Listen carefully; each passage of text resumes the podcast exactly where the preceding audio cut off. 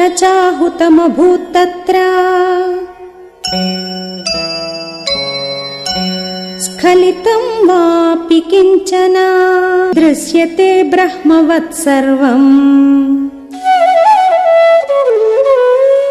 क्षेमयुक्तम् हि चक्रिरे